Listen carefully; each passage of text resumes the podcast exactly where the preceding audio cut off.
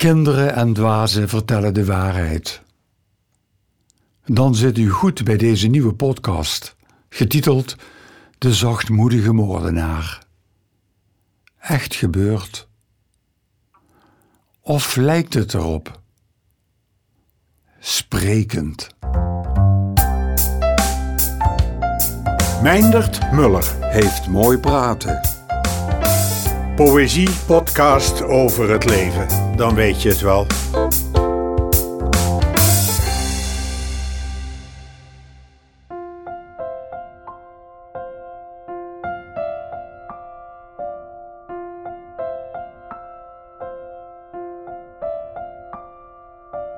Zijn hand past royaal in de mijne. Speling genoeg voor zijn vingers. Ze gaan op onderzoek. Het kriebelt. Ik herinner me de zon, witte wolken, blauwe lucht, trottoirrand, gras bij de putten, gras van een plantsoen. Die kleine dingen bleven me bij, weet ik. Maar niet waar het was, waar we wandelden in de zon, de heilige grond van de waarheid. Jij hebt allemaal bergjes, zegt Abel. Als ik neerwaarts naast me kijk, zie ik eerst zijn witblonde haren. Kammen is niet zijn sterke kant. Een speels briesje blaast wat willekeurige haren overeind. Ik wil ze glad strijken, maar dan moet ik zijn hand loslaten. Ik voel een onderzoekende vinger. Dan kijkt hij omhoog en zie ik zijn smalle gezicht. Bergjes? vraag ik. Ik zie een zweem van ernst in zijn altijd vrolijke ogen. Hij knikt. Ja, bergjes. Een man en een kind. Een man die een kind had willen blijven, een kind als Abel, of een jongen zoals Abel zal worden. Niet verder. Geen man in een pak met een baan die praat met mannen in pakken en banen. En nu? Een opa die wandelt met zijn kleinzoon. Een opa die wandelt met de jongen die hij eens was. Die hij moest loslaten vanwege de onontkoombaarheid die hij als jongen haatte. Ik sta stil en laat de kinderhand los om in mijn open hand te kijken. Mijn rechterhand de wijsvinger van mijn linker ontdekt als verwonderd de bultjes aan de basis van de vingers. Geen werkhand. De vingers hebben meer papier aangeraakt dan materie van gewicht. En toch, bergjes. Weer die onontkoombaarheid. Dat zijn eeltbultjes. Die krijg je als je oud wordt, zeg ik mijn kleinzoon, terwijl ik in mijn hand blijf kijken. Ja, zegt hij. Ja, jij bent oud en ik ben nieuw. We vervolgden onze weg. Waar was het ook weer? Mijn geheugen zoekt vergeefs het antwoord. Dat krijg je ook als je oud wordt.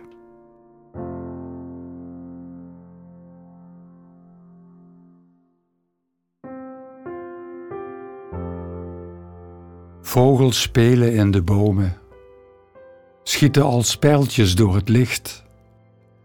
Slordige restanten zon kleven aan de stammen. De dag is even oud als ik. Kom tot stilstand.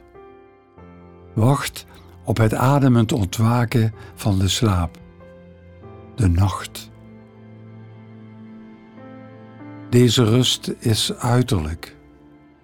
Ik weet dat in het donker weer een dag wordt aangeboord, die eens te meer mij van mezelf vervreemdt. Tenzij ik wat ik weet vergeet en terugvind wat ik achterliet. Een kind zonder herinnering dat een nieuwe wereld schept.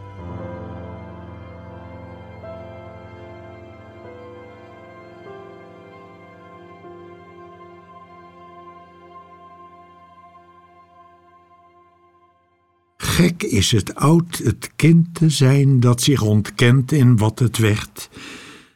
en dat zich voor zichzelf verstopt. Een kind hoort eeuwig jong te zijn. En geen belofte die verschraalt in deze wansie van zijn huid. Maar een die zich steeds weer ontpopt en tot jouw kind herboren wordt.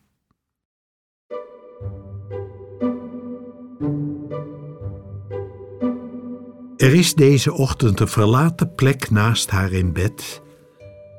Het is dit keer Abel die die plek vult en zo zijn moeder de gelegenheid geeft een pedagogische leegte te vullen. Abel zou eens wat meer met andere kinderen moeten spelen, buitenshuis.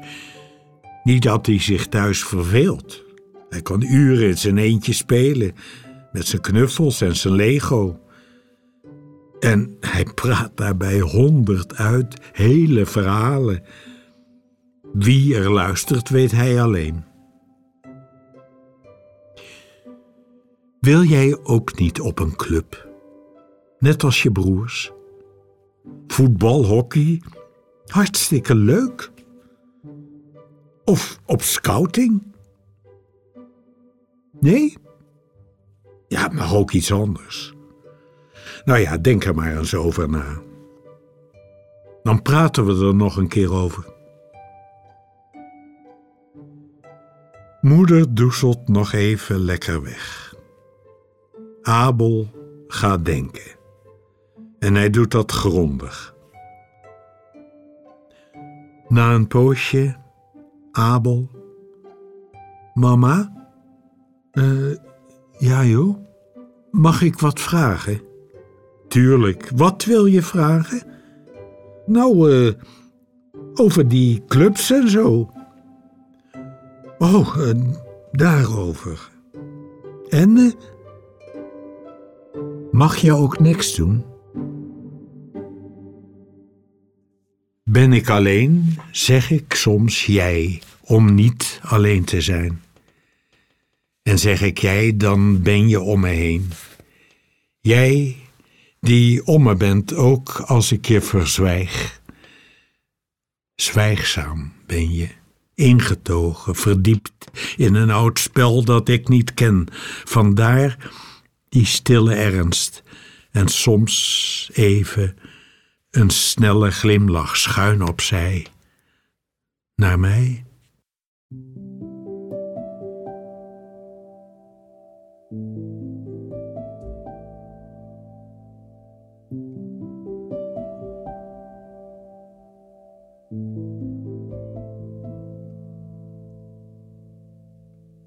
Papa.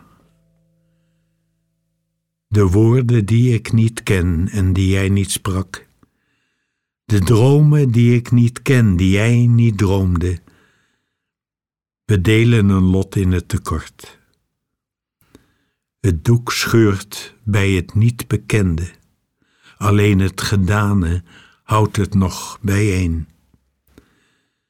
Een greep over het graf van de dood, een hand zo koud al. Jouw leven is een boek dat ik niet heb maar dat ik heel mijn leven al wil lezen.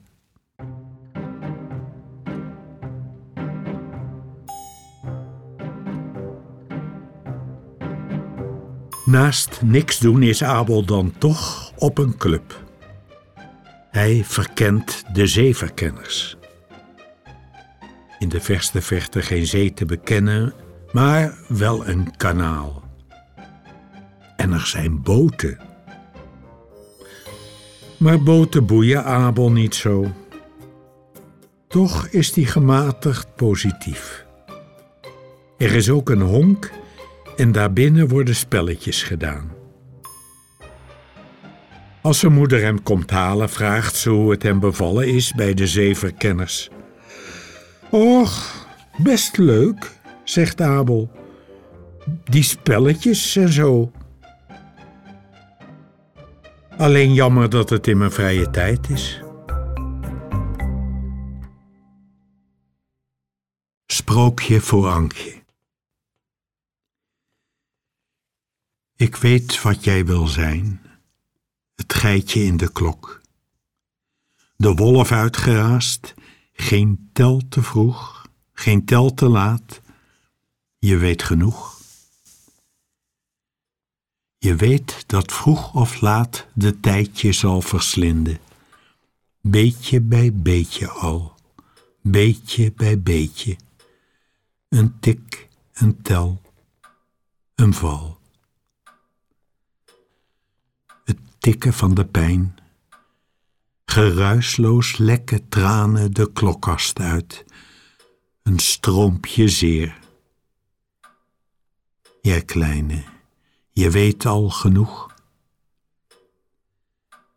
Eens zal het uur je vinden, een as, een pal, een spil, omsponnen in zichzelf.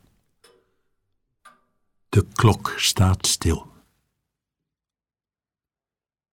Als jij het wil, hartje heelal, als jij het wil.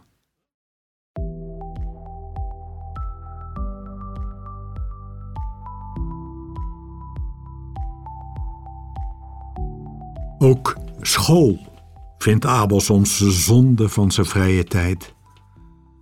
Hangt mede van zijn gemoedsgesteldheid af en van het aanbod van de dienstdoende leerkracht.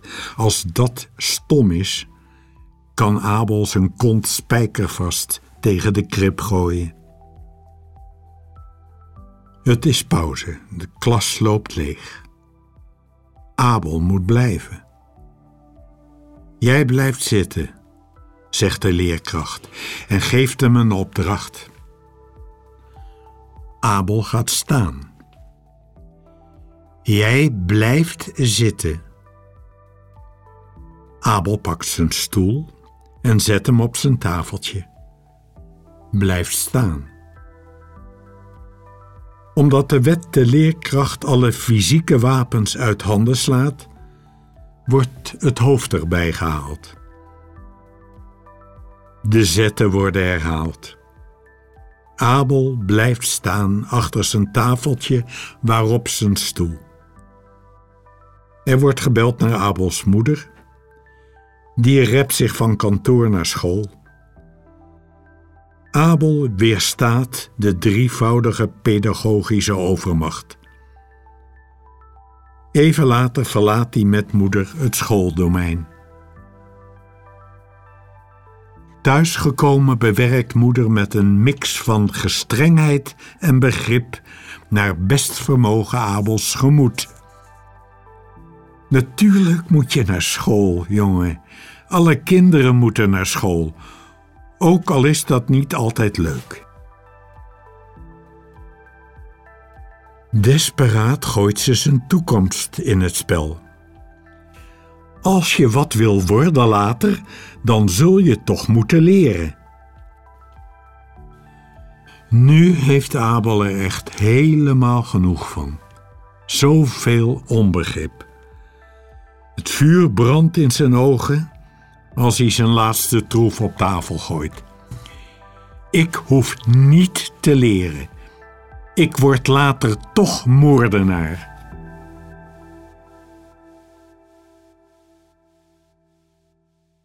Hoe trouw de stenen die me dragen, de stoeptegels, de klinkers van de straat. Hoe troostend hun verdraagzaamheid voor moskringen, rottend blad en voor verdriet, ze schrikken niet keren niet af van lelijkheid. Je kunt op ze bouwen. De stenen, ze zijn soms ruw en aanstootgevend, onhandig als ze zijn, maar nooit gemeen. Zullen voor geen dreiging zwichten, bezwijken slechts voor wat in hoofden bedacht wordt aan geweld.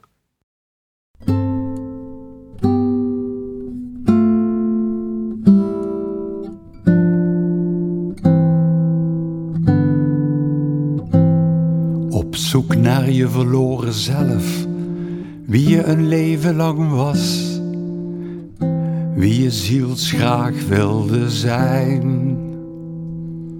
Op weg geduwd door de tijd, man worden moet, Het pad komt ongekend onder je voeten. En dat je alleen bent, dringt zich met de tijd op.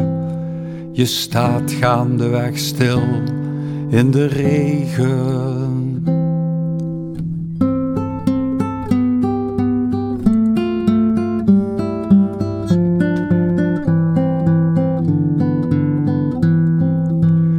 Alleen een kind loopt voorbij, kijkt alsof het je kent. En jij vraagt je af of jij het bent.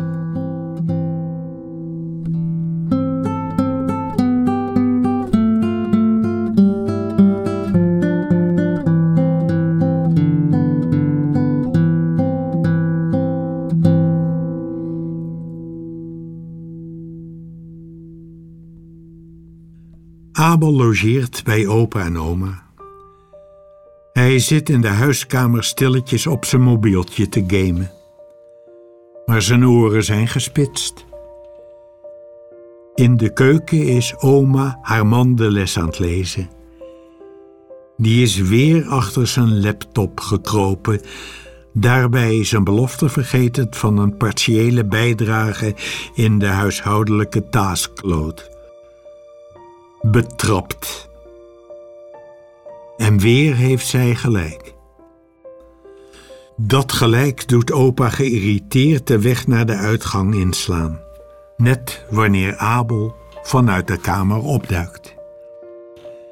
En hij hoort hem zeggen: Oma, zo moet je niet met opa praten, dan wordt hij nog zenuwachtiger. Wat lief, denkt opa in de deuropening. Absoluut ongeschikt voor moordenaar.